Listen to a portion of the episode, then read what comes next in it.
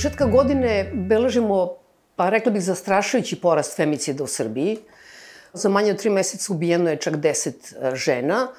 Ako se ovako nastavi, onda ćemo imati više od 30 ili 40 ubijenih žena, što je već onako... Da li postoje zvanična statistika o ubijenim ženama u Srbiji u ovoj godini ili u prethodnim godinama? Ne postoji nešto što se zove statistika femicida. Dakle, vode se statistika svih ubustava. Ono što je ranije bio problem, to je da se zapravo policija nije vodila uh, statistiku kada uh, onaj ko ubije ženu izvrši samobistvo jer zapravo nema krivičnog dela. Međutim, to su u nekom trenutku primetili jer smo imali veliku razliku između onoga što je podatak policije i onoga što su ženske organizacije. Ono što se nama čini da je problem to je da se sa tom statistikom, naravno statistikom femicida, ne izlazi u javnost.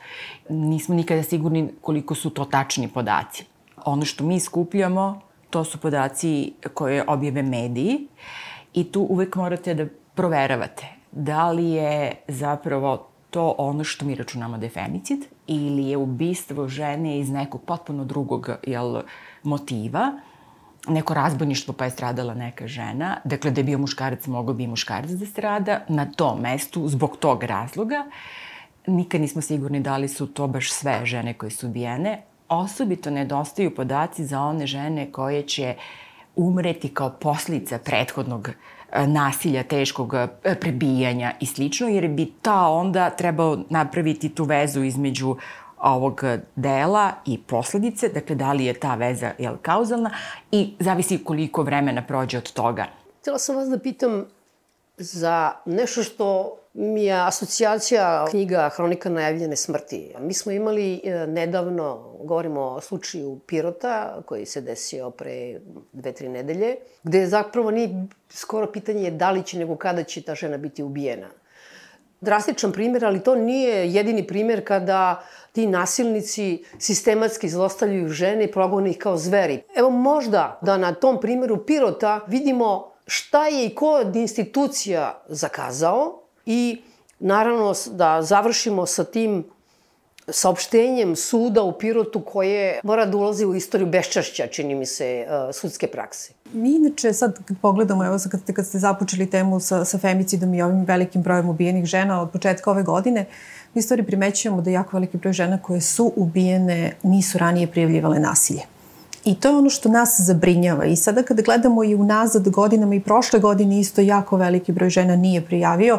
Znači od prošle godine 26 žena i jedna devojčica koja je bila ubijena, znači 27. Znači u sedam slučajeva je bilo ranije prijavljivano nasilje. U svim ostalim slučajima nije bilo prijavljivano nasilje.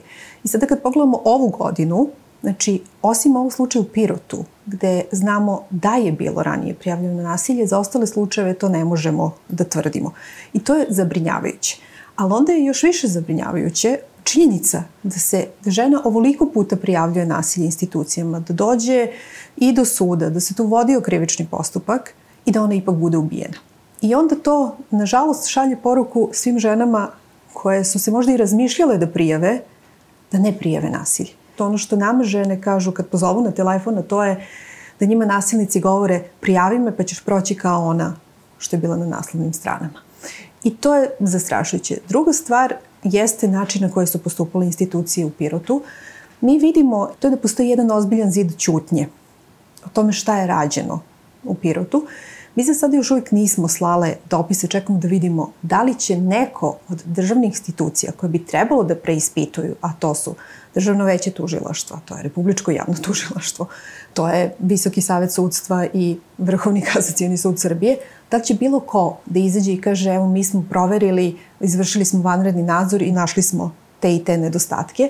Mi to ne vidimo, nažalost, ni u prethodnim slučajevima koji su bili, ni sad u ovom slučaju u Pirotu.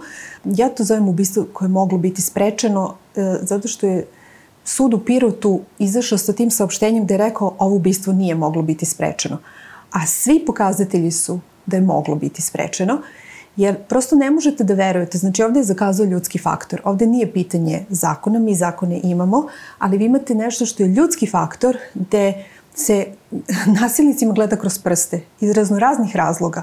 Ova žena je osam puta prijavljivala pre nego što je pokrenuta istraga i tužilaštvo pokrenulo neki postupak protiv ovog učinioca i onda su odlučili da sa njim naprave sporazum o priznanju krivice. I sve je to okej. Okay. I taj sporazum onda ide sudu. I ta dva meseca, u stvari, koliko je od kada je zaključen taj sporazum do kada je ga sud usvojio, vi u ta dva meseca imate da on devet, da devet, ide deveta prijava i da tužilaštvo tada traži za tu devetu prijavu da se njemu odredi mera pritvaranja. I sud odlučuje da ga ne pritvori, nego samo odredi ovu meru zabrane prilaske i kontaktiranja.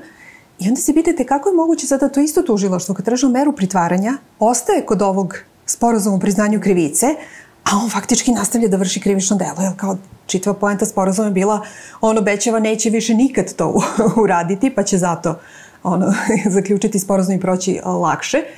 A onda imate i sud koji zna da je tražen pritvor i da je odbijen da je donesen samo mere zabrane privatnog kontaktiranja i prihvata sporazum, jer sud može da ne prihvati sporazum. I onda se stvarno pitate kako je sad to moguće. Pritom Pirot nije veliko mesto, Pirot je malo mesto.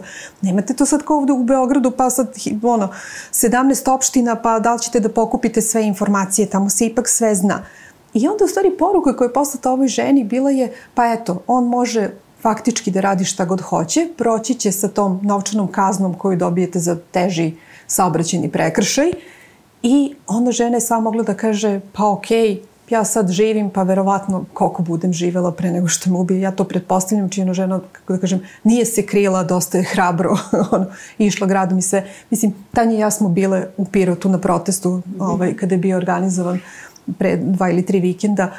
Uh, potpuno je zastrašujuće mesto gde on je ubio. To je šetačka zona kao vi shvatite, on je ubio tako, mislim, to nešto oko 11 sati, ono, u toku dana, žena je bila u crkvi, izašla iz crkve, došla do te piljare i on je nju, mislim, tu upucu u glavu. To tako delo dosta kao ono, mafijaško ubistvo i stvarno ste pitate šta je onda u njegovom istorijatu. Da li je moguće da to tužilo što nije znalo, svi se kaže, on je bio ranije kažnjavan i ako je, kako da kažem, bio u tim kriminalnim vodama, onda možete da prepostavite da neko ko je bio u kriminalnim vodama će lako doći do nelegalnog pištolja. I sad kad se vratimo na ovaj rad Grupa za koordinaciju i saradnju, nažalost, ono što mi vidimo, vidimo da neka tužilaštva nisu razumela poentu zakona.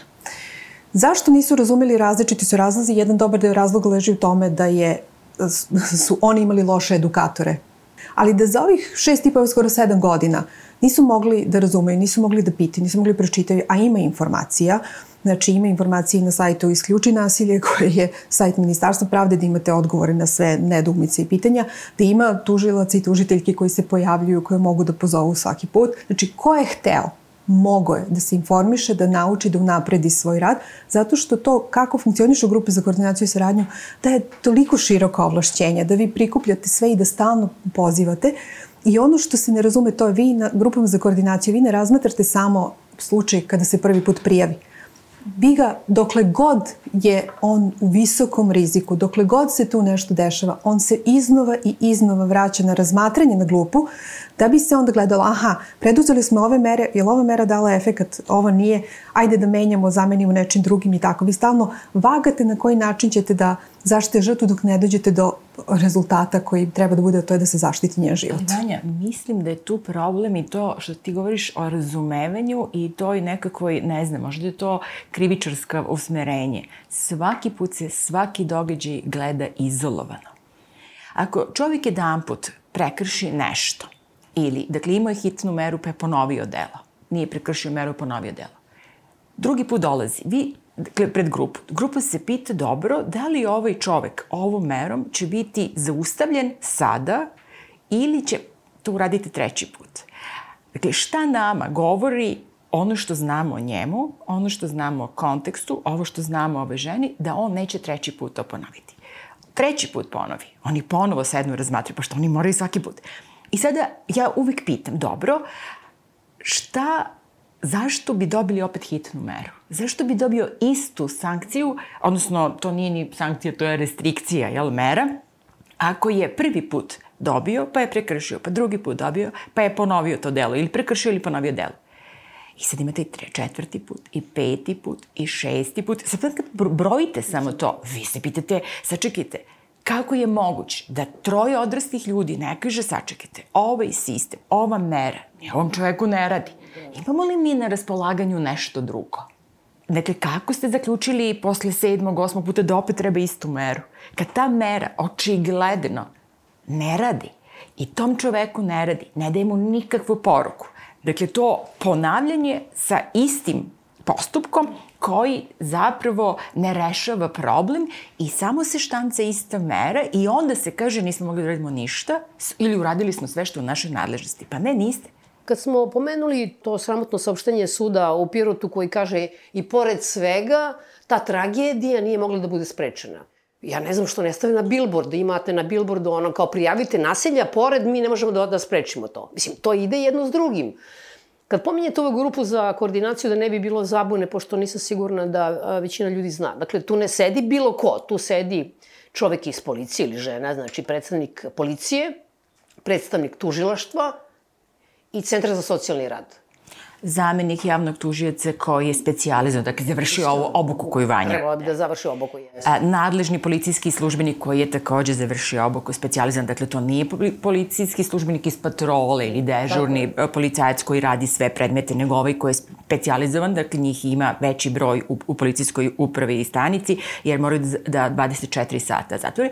I iz Centra socijalni rad, uh, socijalne radnice koja zapravo predstavlja svoj organ, oni tamo imaju vodi voditelja slučaja, ona znači na taj slučaj e, u ime svojih kolega donosi sve predmete koje su oni razmatrali i ta tri, njih troje su uvek, to je salni sastav, mogu da zovu, odnosno imaju obavezu da pozovu žrtvu ako ona želi i ako je sposobna da učestvuje. Žrtve bi mogle da dovede nekoga koja je njena osoba od poverenja ili nekog predstavnika ženske organizacije. Mi često predlažemo tim grupama da pozovu žrtvu i nas, e, da dakle ona u njeno ime, e, da bi veći broj ljudi sagledalo tu situaciju i možda kad pozovu žrtvu da bi čuli njenu perspektivu.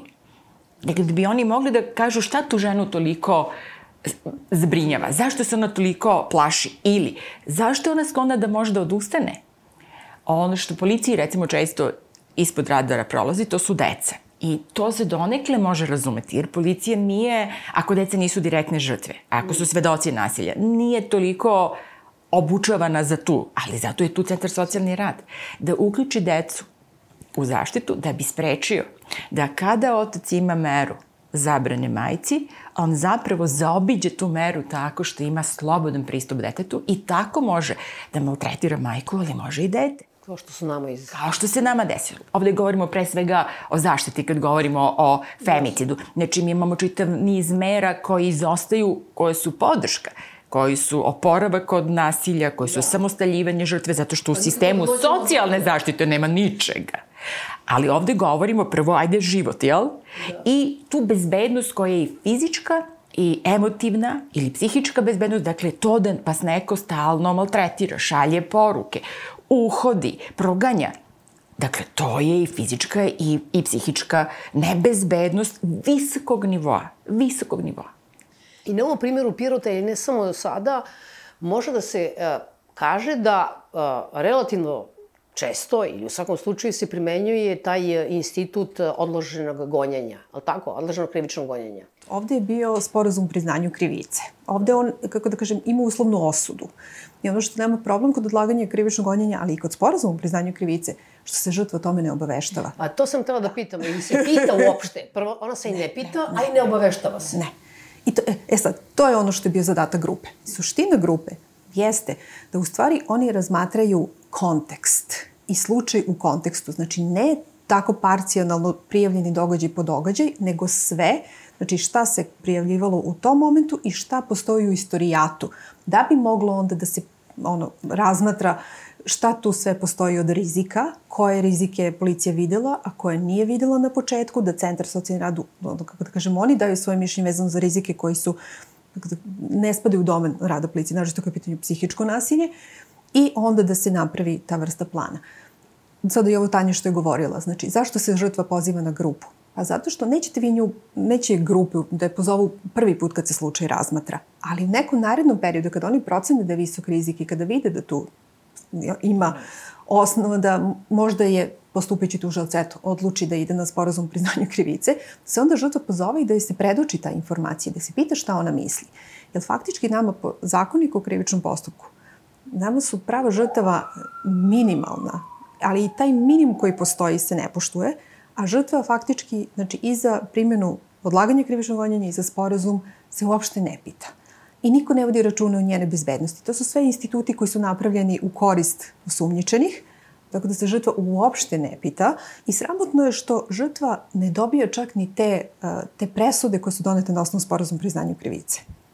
Znači, a kada je u pitanju odlaganje krivičnog gonjenja, ona dobije informaciju da je taj institut primenjen, znači kada taj, jel te, osumnjičeni ispuni obavezu koja mu je bila naložena kroz odlaganje, onda tužilaštvo donese rešenje o odbačaju krivične prijave i taj je dostavlja rešenje na koje ona nema više pravo žalbe, tako je po zakonu.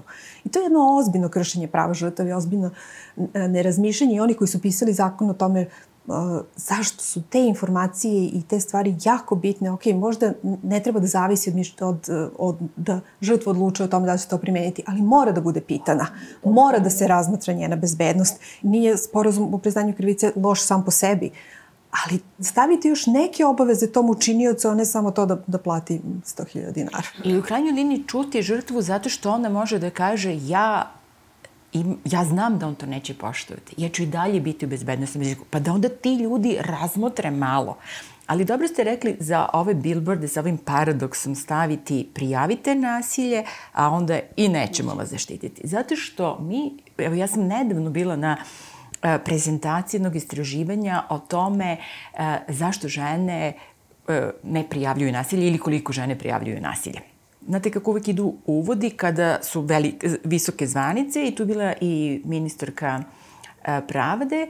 Dakle, dve glavne poruke su bile, jedna je prijavite svaki događaj i sumnju i žrtve i bilo ko iz njenog okruženja ko zna zovite policiju. A druga, tu je baš ministarka izgovorila, ostanite u krivičnom postupku, ne odustajte po svaku cenu.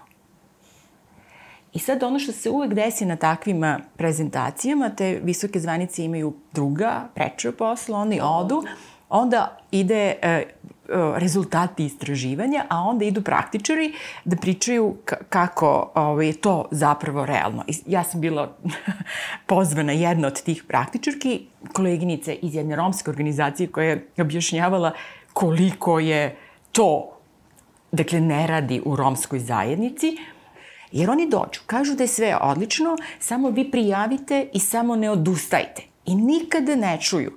Prvo, 60% žrtava odustaje u nasilje u poru, kad je pitanje nasilja u porodici, odustaje od, od krivičnog postupka. Pa dakle, gde nama analiza zašto se iz, odustaje? Jel?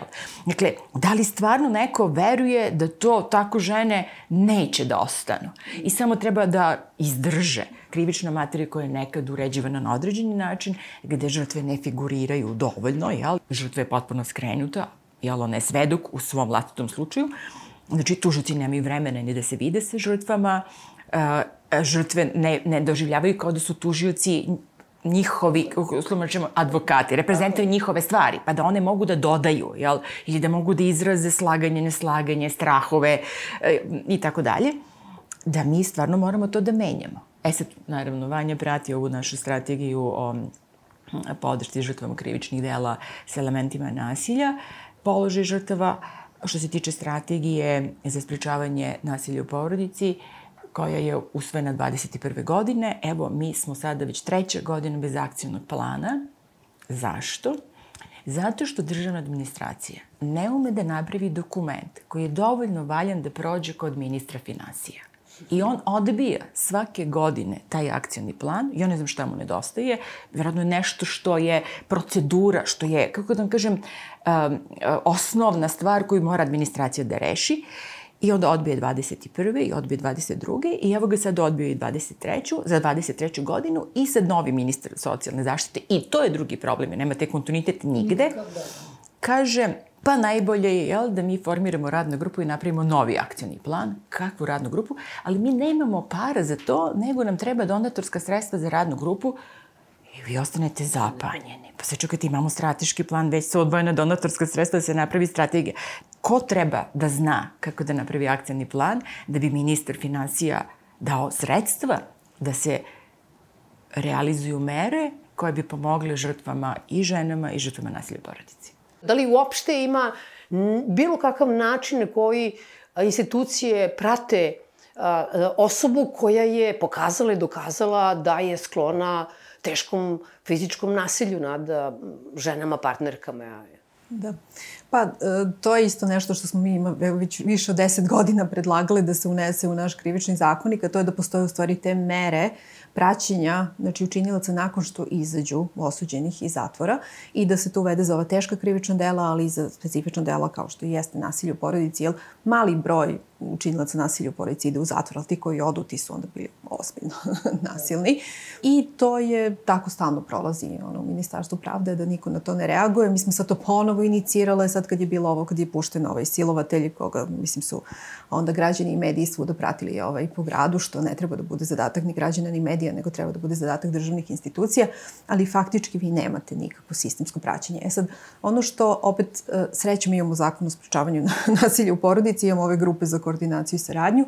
Mi vidimo tamo gde grupe rade dobro i gde su profesionalci razumeli suštinu zakona, to je da oni preko grupa mogu da prate i to. I mi stalno, i kada držimo edukacije za stručnike, razgovaramo o tome, znači da kada neko izlazi iz zatvora učinio je znači, nasilje u porodici ili neko iz ovog domena, jel te, krivičnih dela, e, s obzirom da informacija o njegovom izlasku se dostavlja Centru socijalne rade policije neki mesec dana unapred, znači to je moment kada se taj slučaj ponovo vraća na grupu i onda se razmatra šta i kako dalje, znači da se prati, da se napravi plan, da se pozove žrtvu, da se sa njom ispregovori i dogovori kako će se pratiti. I mi smo nedavno, znači prošle godine kad smo držali tu vrstu treninga, stvarno od jedne ove odlične tužiteljke ove, iz Mladenovca čuli kako je ona organizovala uh, u tom jednom slučaju, da je on čak treba, imao i ovaj, meru obaveznog lečenja alkoholizma, pa je onda to treba da nastavi ovaj, kad je izašao iz zatvora. Tako da su oni sve to pratili vrlo, kako da kažem, on je znao da je pod nadzorom i to je ono što šalje poruku nasilnicima. Ali to su ekscesne situacije, manje više. To sad, da, to sad jesu. Mi redko kada pričamo o dobrim slučajevima. Mi redko kada pričamo o, o slučajevima gde smo mi spasili živote. A takvi slučajevi postoje. I postoje i kod nas u Autonom ženskom centru gde smo mi zajedno sa nekim grupama za koordinaciju i saradnju Znači, zajedničkim delovanjem, radom, učestvovanjem, mi podržavali žrtvu, znači, dogovarali šta i kako mi uspeli da spasimo živote tih žena, ali i dece. I, znate, i onda nekako vidite da može. Znači, da zakon sprečavanja nasilja porodici je toliko širok. Da je tako velike mogućnosti ovaj, samo ko hoće da ga primenjuje. Kao što uh, nedostaje ovaj nadzor i kontrola kad se nešto desi, ta analiza šta se zapravo desila, gde su greške, da se ne ponovi. Nema razmene informacije u sistemu ni o dobrim stvarima, niti da recimo kad se nešto uspostavi kao jedna praksa koja stalno rađa dobre rezultate, da se onda kaže aha, evo od sutra ćemo da to prenesemo. Takva e, stvar se zapravo desila evo sada kad je u uh, više javno tužište u Beogradu postavljena koordinatorka za rodno zastavno nasilje. Dakle, kad postavite na jedno mesto ženu koja razume i hoće da se bavi time, onda ona može da doprinese u kratkom vremenu da se nešto što je dobra praksa proširi na sva niža, dakle osnovno javno tužilaštvo u, u Beogradu ih ima šest, da se prenese dobra praksa. Ovo tužilaštvo radi ovu situaciju dobro, hajde svi. Ovo je smislilo model podrške ženama, odnosno posredovanju u zapošljavanju. Hajde svi. Znači, tako bismo ubrzali jel, da se zapravo sistem brže uči i manje greši. Ali nema ko to da radi. Da, da, uh, razumem to o čemu govorite. Uh, e sad imamo taj posle svih ovih slučajeva drastičnih Sud kaže mi nismo krivi, policija kaže mi nismo krivi. Mogli bi da napišu saopštenje koje mi ne možemo da proverimo. Evo, proverili smo sve, nema propusta. Ne, oni se čak i ne trude da fingiraju analizu pojedinih slučajeva koji mogu da budu paradigmatični da donose nekakve zaključke. To je ono što mene brine, što neće čak da budu ni, nema ni hipokrizije više. Meni to delo je, znate, ono kad uhvatite dete u, da je napravilo neki, nekog ovaj, nestašluk, pa kao nisam ja, nisam ja. E, naše institucije stvarno meni sada tako deluju, mislim, sa ovim saopštenjem koje je bilo suda u Pirotu i ovo sada saopštenjem prvog osnovnog suda vezano za ovu devojčicu iz Mirijeva. Znači, to je toliko strašno, to je to utrkivanje, kao ono, samo da kao skinete odgovornost sa sebi, da kažete nismo mi odgovorni, a vi saopštenja vidite da ono kao odgovornost ovako samo blinka, koliko su bili odgovorni, da su stvari pohvalili svojim neradom. I to je mnogo strašno, da to, znate, i kada izdaju to saopštenje, oni ne, ne razumeju. Šta su imali sve mogućnosti po zakonu? Dakle, me, meni je zaječar primer. Dakle, izašlo saopštenje Centra socijalni rad, kaže, porodica nam je bila po raznim osnovama od 2016. godine na evidenciji. Mi smo u kontinuitetu pratili i preduzeli smo sve svoje nadležnosti. Sačekajte, kako je moguće? Pa št, kako je moguće da vi šest godina pratite porodicu i ništa niste videli. Dakle, to je sad isto... Šta, izvinite, pošto kad ste već uh, to pomenuli... Ova devojčica koja je očuh, od, koja je preminula po, kao posljedica batina od očuha. Znači, i, znači, i svaki dan je, su novinari, dakle, dodavali informacije iz koga smo mi videli mnogo strašnih stvari i mnogo obaveza Centra za socijalni rad kao organa starateljstva. Dakle, svako od njih, na koje god je poziciji, zapravo štiti svoju poziciju. Priznavanjem da je nešto, neki propust nastao, vi zapravo ugrožavate pa po vertikali. I tako je, znači, od rukovodioca službe do ministra i valjda mi sad živimo u tom, tom društvu u kome vi šta god kažete da nije u redu u sistemu, to je direktni napad na predsednika. Ja se stvarno nekad pitam kako ljudi, kako nama nije i više stvari. Verovatno jeste, samo nisu ovako dramatične. Jer ono što mi, na primjer, vidimo koliko se žene muče da ostvare osnovne stvari, da vi zapravo, osnovna zaštita od nasilja, pa poveravanje dece, pa održavanje kontakta, a da vas neko ne maltretira godinama, pa alimentacije, pa šta god pipnete, sve je sa užasnim naporom i troškom a, građanskih resursa da ostvare ono što bi sistem morao da radi po automatizmu. Što je pravo građanina i što bi morao da dobija, kako da kažem, kad god se pojavi na šalteru ili kod stručnjaka, morao bi da to može da ostvari u razumno kratkom roku, a ne do iscepljenja. Postoji diskriminacija zapravo žrtava u odnosu na, da država na neki način uh, diskriminiše žrtve u odnosu na počinioce.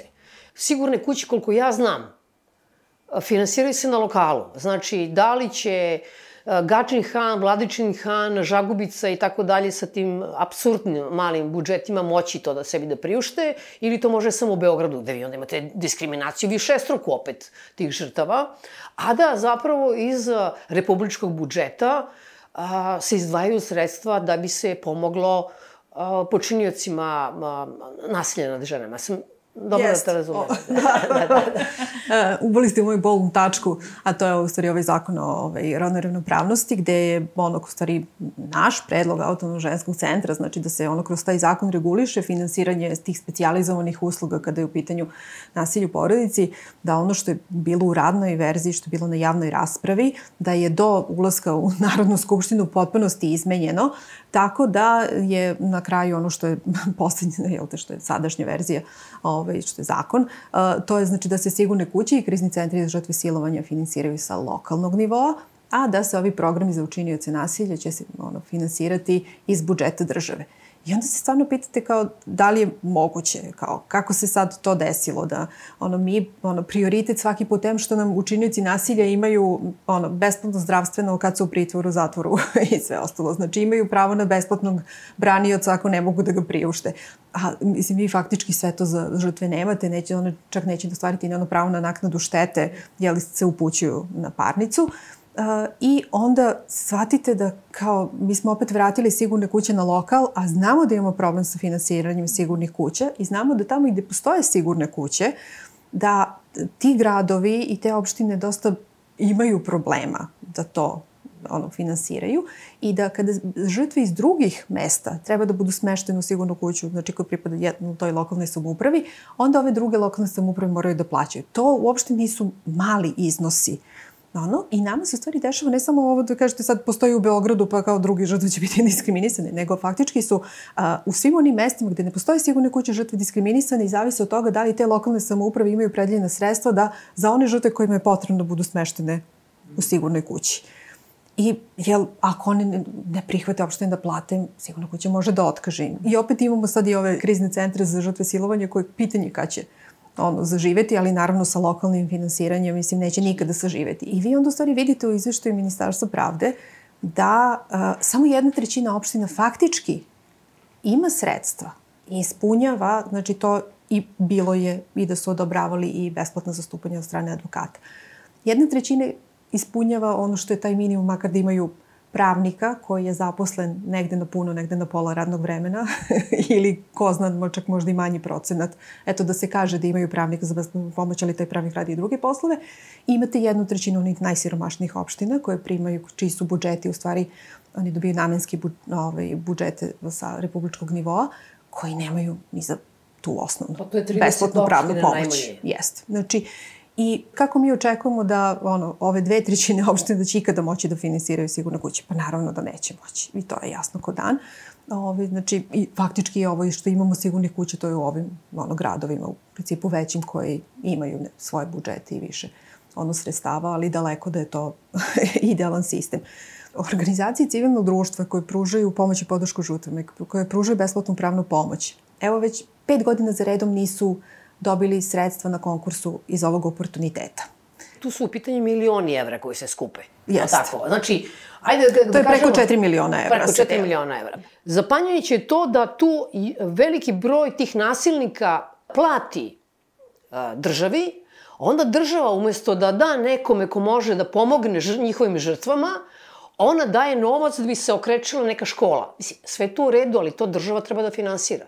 Da li je tačno da po zvaničnim podacima broj usluga besplatne pravne pomoći koje pruža 11 organizacija civilnog društva je praktično isti kao što se broj... Skoro 90% opština. Opština u, u Srbiji. Srbiji. Da. A njih ima, to je znači 90. I oni Ni to im ne govori da treba da daju nešto organizacijama civilnog društva koje pomažu ženama žrtvama nasilja, silovanja, polnog uznimiravanja i tako dalje. Piše se da znači organizacije koje pružaju besplatnu pravnu pomoć mogu da se finansiraju projektno, ali onda, kako da kažem, jedini način da podnesete projekat za finansiranje besplatne pravne pomoći jeste ovaj konkurs oportuniteta. Znači ne postoji drugi konkurs na koji možete aplicirati.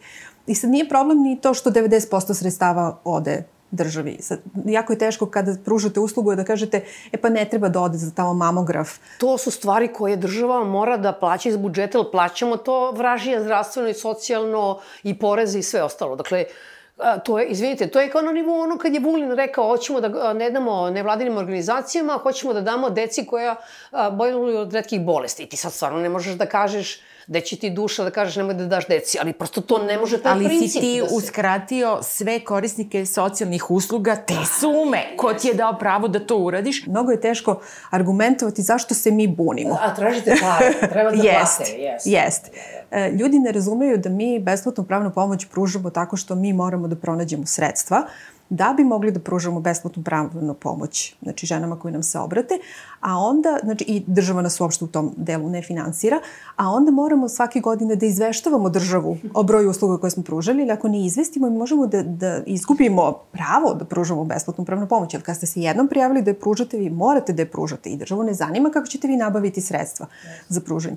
Faktički, jedan deo tih žrtava, znači ovih krivičnih dela, rodno zastavnog nasilja, je ostao uskraćen za pravdu zato što su tužilaštvo primenila oportunitet. I mi smo čak videli u jednom slučaju, isto nije, nije beogradski, ovaj, u, van Srbije, u Srbiji, ovaj, da, je da je, stvari, um, iako postoji faktički zabrana da se oportunitet uplata humanitarne svrhe primenjuje u slučajima nasilja u porodici, da je tužilac prekvalifikovao delo u drugo krivično delo kao zlostavljanje i mučenje da bi mogo da primeni oportunitet, iako je bilo čisto delo nasilja u porodici. Znate? I sad bi na, na taj načine će opet žrtve ovih krivičnih dela ostati uskraćene za to zadovoljenje pravde, makar da neko dobije uslovnu osudu, makar i da pristane da sporazum o priznanju krivice, znači nego se primeni oportunitet i da onda ništa, ali stvarno ni jednoj jedinoj organizaciji koja se bavi žrtvama, pruža pomoć i podršku, ne bude dodeljena. Ono. I to tako traje, evo već sad, ono, pet godina za redom, vidjet ćemo sad šta će biti ove šeste ne, godine. Ne, hoće organizacijama koje decenijama već postoje. Jeste, da. jeste, jeste. Da. Mislim, ja Autonomni ženski centar ove godine slavi 30 godina rada. Sada, mi treba da dokazujemo da to znamo, ne samo Autonomni ženski centar, nego sve organizacije iz mreže koje najmanje 15 godina rade, a na lokalnom nivou, pošto su usluge spuštene na lokalni nivo, tamo neke kabadahije koji ništa ne znaju, svojim pajtusima daju da rade uh, telefone i ove usluge za žrtve, iako su, dakle, taj Leskovac je nečuvena priča, dakle, čovek dva puta kažnjivan za nasilje u porodici, kad se domogao jel, registracije nevladine organizacije, od lokalne samouprave dobija da daje uslugu SS telefona, iako ženska organizacija u tom gradu od 2005. godine pruža tu uslugu. I ovaj čovek kaže, a, on će pružati podršku i muškim i ženskim žrtvama, a mi diskriminišemo muškarce i nas bi trebalo po zakonu o zabrani diskriminacije ganjati i zatvoriti. Dakle, imate, znači, stvaranje tih partijskih organizacija koje služe samo da bi sredstva koje postoje pri svakom ministarstvu za socijalne usluge, za pravnu pomoć, za projekte koji su namenjeni podršci ovim milionim ciljnim grupama, što su i žene, žene na selu, starije žene, mlade žene, deca sa invaliditetom, šta god, da bi zapravo e, taj novac se izvlačio. Dakle, i ova Birnovo dakle, istraživanje koje je pokazalo koliko količinu novca je za kratki period, za dve godine koliko je bio na čelu ministarstva, uh, ovog novog ministarstva za podršku porodici i demografiju. Dakle, 3 miliona eura su dobile organizacije koje ne znate da postoje. Ljudi, dakle, to je potpuno neverovatno, pozovete uh, nekoga ko, ko, ko stoji da je predao projekat i da je na čelu te organizacije, ne zna ni kako mu se organizacija zove, puni naziv, ne zna ni kako mu se projekat zove, a to bi 25 miliona dinara. I sad se vi pitate, dobro, jer Birn laže ili je ovo istina? Dakle, gde je to tužiloštvo? Odmah da upadne. Gde su te inspekcije? Gde su te agencije za pranje novca, za korupciju, šta god? Znači, mala organizacija u Kraljevu dva meseca u svojoj kancelariji ima tri vrste inspekcija po onom pra, pravilniku o sprečavanju terorizma. A ovde vam neko kaže, ministar je za dve godine oprao 56 miliona evra. I niko Sačekajte, znate koliko je ljudi u ovoj zemlji ostalo uskraćeno za podršku, da im otvore vrata, da im donesu nešto, da asistenti za decu, za školu, žrtve nasilja, koliko god hoćete potrebe. Naravno, to je ciljna grupa koja se najranjivija, najzavisnija, najlakše njom manipulisati, najteže će se buniti o tome šta se finansira, ne moramo ni da razgovaramo. To vidimo, ovi stadioni koji ne znate ko će da igra na njima. I naravno nasilnici. Ja stalno se pitam da li stvarno neko misli da treba platiti terapiju nekome ko može da ne čini. Dakle, to nije nikakva bolest. Nasilje nije poremećaj. Nego to je stav da može i da mu niko ništa ne može. I sad ćemo mi njima da plaćamo, a oni neće da plaćaju alimentaciju svoje deci. Onda sad vratimo se na priču. Da li je neko izašao i rekao sad ćemo da stanemo na kraj, evo, ovoj jednoj liniji, ovom problemu finansijama, što je valjda najlakše, najlakše stati na kraj. Da, da. Mnogo je teže ovo kako da prepoznamo, kako da mi motivišemo, ohrabrimo žene da kad prijave opasno nasilje, teško nasilje, da će tada dobiti intervenciju koja njoj garantuje bezbednost, da neće niko da pogreši u sistemu i da je on posle toga još više maltretira ili ubije. To je mnogo složenije nego ovo što možemo da zaustavimo, ali očigledno nema želje da se zaustavi. Mi imamo sve te divne strategije koje su odlično napisane. Vi kad pogledate naše strategije, pa kod nas je sve ono, sjajno i bajno i, i savršeno napisano. Ali faktički, iza toga vi nemate ništa. A onda u pozadini imamo ovo, to, da se u stvari sredstva daju, ali bukvalno, to čak više nisu ni gongo. Znate, gongo organizacije su, makar imaju svoj web sajt. imaju neke aktivnosti, izlaze sa nekim saopštenjima.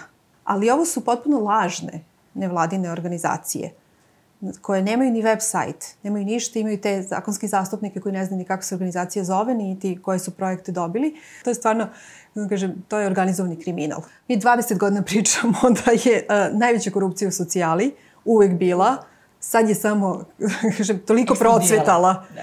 Ali ono jasno da se najviše novca ono kao uzima upravo tom korupcijom ovaj, socijalnim pitanju. I onda vas pitaju kao, pa šta mislite kao o toj strategiji to za podršku civilnom društvu i saradnji? O čemu pričamo? Znamo i mi kako bi mogli da se dogovorimo sa ministarstvom. Da, ali, ali da dobijemo pare i da damo 25%, 50%, koliko god traže od tih para. Evo vama velike pare pokrijete svoj rad, ali nama u džepove i mi to nećemo da radimo. I to je potpuno jasno da to nećemo da radimo. I ne samo to, mi nećemo da kažemo divno je sve. Civilni sektor postoji da bi bio korektiv, da bi ukazivao na ona mesta gde država s visine ne može da vidi. Dakle, na one ljude koje država s visine ne može da vidi. Znači, prirodna stvar je da mi govorimo šta ne valja na terenu, na terenu da. među ljudima, među onim ciljnim grupama koje najslabije mogu da zapravo stignu, ostvare svoje prava. Da, mi smo ranije e, pisale zaštitniku građana mi smo stvari započele to sa prethodnim zaštitnikom građana da, da tražimo njega da ispita odgovornost institucije. Zaštitnik građana ima limitiranu odgovornost na znači, e, postupanje znači, centara socijalni rad, policije, domova zdravlja i sve neko pripadaju javnom sektoru, ne može da ispituje rad sudova i tužilaštva. I kako je sad ovo vreme odmicalo i desavali se slučajevi posle silnih preporuka ono, zaštnika građana ovim slučajima femicida, onda smo videli da postoji sad o, velika odgovornost sudije i tužilaca koji nekako ono, zaboravlja se njih. Ja stalno uh, govorim onaj slučaj koji je bio, znači to je ono decembar 2021. godine, znači ovaj, u Somboru, znači da je vođen ceo krivični postav, čovjek je bio u pritvoru ozbiljno i na kraju znači, sudija tako kad je doneo ono, odluku da ga osudi na preko tri godine kazne zatvora, odlučio da ga pusti ono, iz pritvora i on je naravno otišao i uradio ono što je ubio, znači bivšu suprugu i dve čerke. Mislim, ja sam, ovaj, mi smo po ovaj, zakonu o pristupu informacije od javnog značaja tražili, znači tu dokumentaciju tužila, što je nama tužila što stvarno poslalo sve i vi vidite kada čitate svu tu dokumentaciju i taj, tu optužnicu, znači da je on čovek sve što je radio, on je najavljivo da će to da uradi. Ja ne znam kako sudi koji to čita, nije bilo jasno da će on to uraditi. I to je direktno odgovorno sudije, nemate nikakvu posledicu i nemate naknadu štete. Napravljen je propust, državni organ nešto nije uradio, država je dužna da porodici ko, kogode su, sad ovaj slučaj da je ubio i čerke, ne znam kom bi, ali evo, ovaj u, u Pirotu o, za ovu decu, dužna da nadoknadi štetu, ne učinilac, jel, nego država je dužna i to odbija da, da ratifikuje tu konvenciju, odbija da zapravo reguliše način na koje bi, jer da mora da plati verovatno bi drugačije mislili. Da moraju ozbiljno da plate. I ono što svaki put primećamo u sistemu, da kad vam se neko izdvoji ko hoće da radi više na ovu temu, da ga sistem odmah urušava i da ga vraća. Znate, I to je, kako da kažem, jedna konstanta koja je evo ono kao unazad 15 i više godina. I sad nama je stvarno bilo potpuno poražavajuće uh, ovaj, sa zamenicom tužioca Gorina Mičića Luković, zato što je ona neko ko, mislim, kako da kažem, sa nama sarađuje isto više od 15 godina i duže, koja je takođe bila u radnoj gru, grupi i učestvovala u izradi zakona o sprečavanju nasilja u porodici, koja je edukovala sve profesionalce u smislu i sudije i tužioce. Znači, ne, nema osobe koja se bavi nasiljem porodici, a da nju ne zna. Znate, i onda ispadne da u državnom veću tužilaca, znači, eh, kada oni su sada ocenjivali to da je ona uh, imala na, na usmenom ovaj, razgovoru je dobila taj manji broj poena, tako da je 34 od 43 na listi, znate, kada, mislim, prosto, znate, stvarno je nemoguće. Pritom, kao to, edukacijama i svime čime što je ona uradila u ono, prethodni godini dok je bila upućena u Ministarstvo pravde je nešto što država Srbija piše u ovim izveštajima Evropskoj uniji. Kod poglavlja 23, mislim, naravno ne piše njeno ime, Jasno. ali to je njen rad. Toliko je žena uradila za ovu temu da onda vama u državnom veću tužilaca neko kaže da ona nije zadovoljila na usmenom razgovoru. Znate, to je toliko poražavajuće. I činjenica da ako ona ne bude izabrana, znači da ona, njoj prestaje onda to upućivanje posle godinu dana, to je avgust mesec i onda će morati da se vrati na osnovni nivo i vi onda vam, znate, sve što je urađeno Pada. pada u vodu, kao kula a taman, a taman se pokrenuo sistem, ne zbog nje, nego zbog žrtava.